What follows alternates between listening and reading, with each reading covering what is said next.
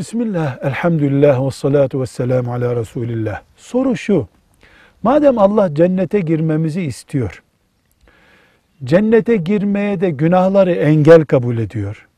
Neden bize günah işlemeye meyledecek kabiliyet verdi? Neden haramı sevecek bir bünyemiz var? Sorumuz bu. Cevap. Allah kullarını cennete davet ediyor. Ama herkes çalışarak, hak ederek gelsin istiyor.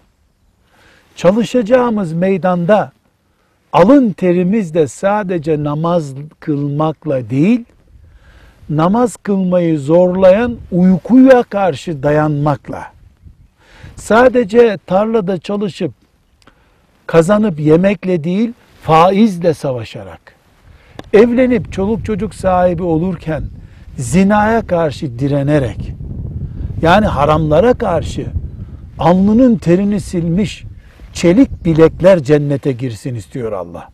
Bunun içinde çağdaş deyimiyle tam bir hürriyet ortamında kul yaptı bizi. Herkes hür. Namaz kılmakta da hür. Haram işlemekte, alkol kullanmakta da hür. Kılmamakta da hür. Alkol kullanmamakta da hür. Bu hürriyet ortamında cennete girenler yüzde yüz Allah'ın planını uygulayıp cennete girmiş olacaklar.